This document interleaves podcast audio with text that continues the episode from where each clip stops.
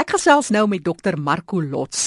Hy is volhoubaarheidskoolstofspesialis by Netbank Suid-Afrika. Marco, as 'n mens kyk so aan die einde van die jaar, begin van 'n nuwe jaar, dan is 'n mens altyd besig om 'n uh, voorraadopname te maak. In jou geval in jou besigheid kyk jy na koolstofie besoedeling van ons in byvoorbeeld in die huis, in die werkplek. Ons hou van lekker eet, ons hou van mooi voertuie. Daar's 'n klomp lekker goed wat ons van hou en dit is ook nie so besonder nie, dis eintlik heel menslik. Ja, Jackie, uh, definitief die die goed wat jy uh, genoem het, meeste van ons hou daarvan, ry mais en en al die dinge. Maar van 'n besoedelingswaarde, as mens ook nou kyk na daai lekker kos en so aan, is daar sekere plekke wat eenvoudig meer besoedel as ander. Een so 'n voorbeeld kan byvoorbeeld 'n melkplaas wees. So dink net aan die hoeveelheid mis en die verwerking van die mis en hoe dit vrot tot metaan en metaan is 'n kweekhuisgas. Nou dit beteken nie ons moet almal nou ophou melk drink nie asseblief dit is glad nie die die indruk nie maar ehm um, daar is 'n projek gewees wat tot onlangs sê so 40000 varke gehad het. So dis 'n enorme groot varkplaas en elke vark besoedel of het soveel afval soos sewe mense. Nou dink bietjie daaraan. 40000 varke het dan 300000 mense se riool. Nou daai riool kan verwerk word, dit kan die metaangas kan opgevang word en dit kan vir ons elektrisiteit genereer. So elke rioolwerke in die land moet eintlik 'n klein kragsentrale wees. Dis waarheen ons streef.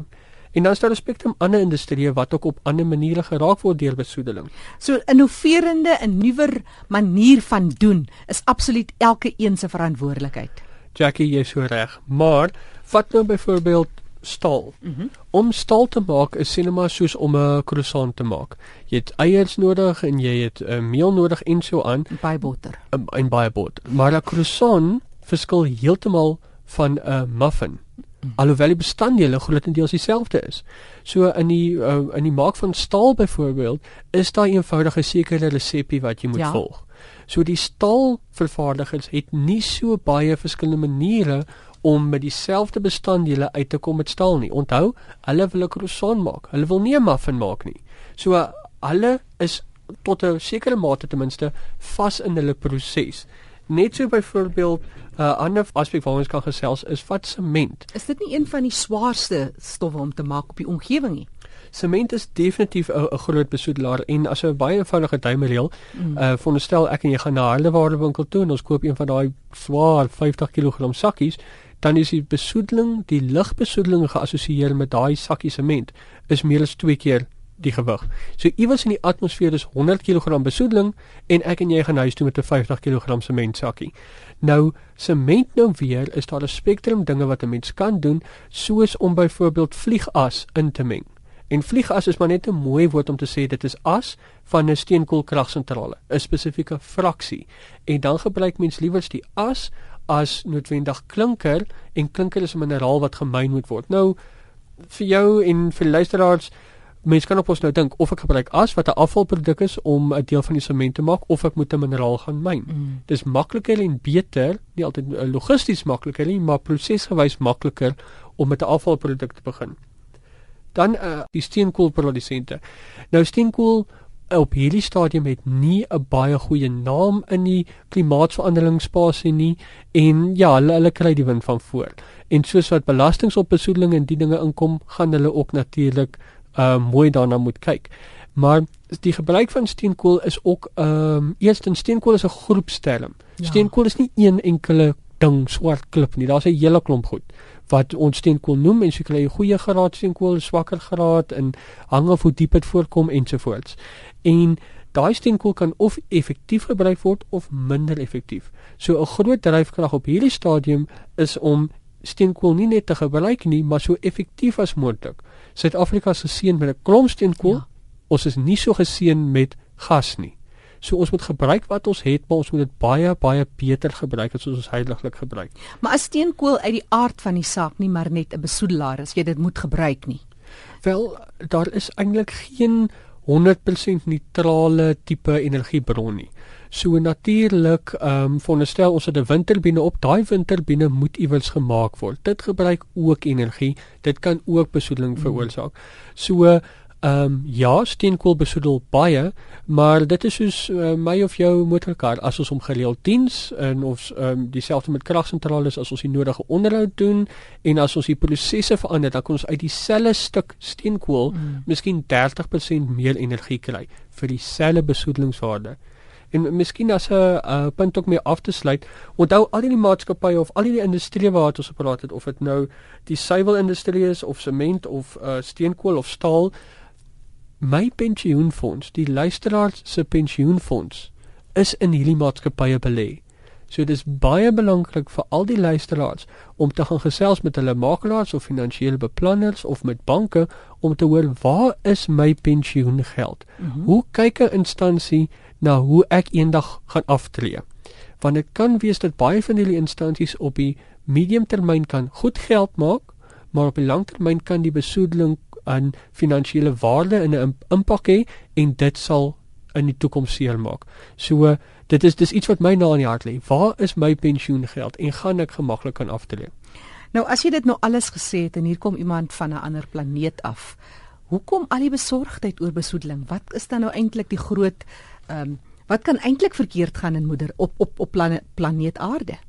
Wel, ehm um, soos 'n uh, 'n uh, punt wat ons definitief moet noem is dit is baie moeilik om water van energie te skei en energie en water van kos. So ons affekteer hmm. al drie hierdie aspekte gelyk. So daai persoon van die vreemde planeet Jackie, hulle hoef nie so ver weg te kom nie. Ek, ek kan sommer nou vir my buurman sê, "Holy sos, as die water besoedel het ons 'n probleem." En ja, natuurlik wil ons dink aan wat ons agterlaat vir ons kinders en so aan, maar my eie gesondheid heidaglik kan geaffekteer word. Dis nie noodwendig net 'n langtermyngesprek nie.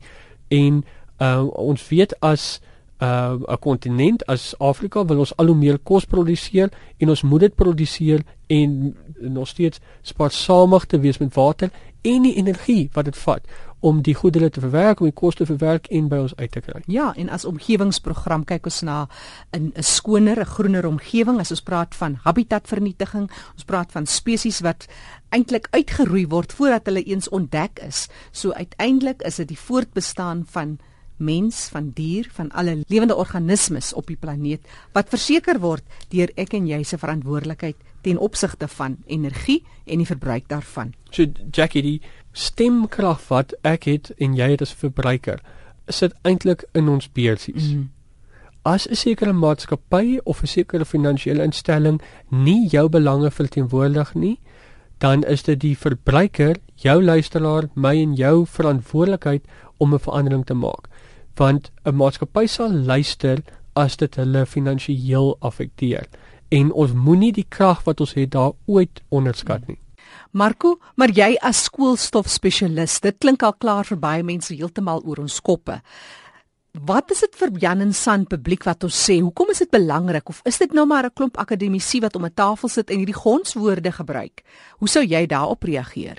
Goed. Jackie, daar's my uh, drie standpunte as ons praat oor volhoubaarheid en of dit net 'n gonswoord op hierdie stadium is nie. Eerstens ons ons lewe in 'n era waar die verkryging van inligting so maklik is. Ons kan verwys na die Netbank uh koolstofvoetspoor gids. Ons kan verwys na die Netbank uh groen leefstylsgids en ons 'n spektrum ander dokumente waarna mense kan kyk. So die lesers kan hulle self baie goed skool. Mm. Maar nie net kan ons die inligting inkry nie, Ons leef ook in 'n wêreld waar as 'n mens ongelukkig is met wat 'n maatskappy doen, kan jy die boodskap baie vinnig uitkry. En en dit is uniek in die tyd waarin ons leef. So met sosiale media en 'n spektrum ander vorms kan jy baie gou jou opinie laat geld, maar natuurlik wees asseblief net ten minste korrek met die feite en nie net in 'n enkele opinie nie maar waar ons die grootste verskil kan maak as enkele verbruikers en as samelewing is met ons beursie. Absoluut. Waar jy jou besigheid vat vir dienste of vir goedere gaan bepaal hoe die mark lyk. So as jy nie saamstem met die volhoubaarheid van 'n spesifieke maatskappy nie, asseblief laat dit ook 'n finansiële impak hê tot daai maatskappy. Dis Dr Marco Lots wat gesels het. Hy is volhoubaarheidskoolstofspesialis van Netbank Suid-Afrika en vir enige terugvoer of navraag kan jy gerus met my kontak maak. My e-posadres is eku@rsg.co.za.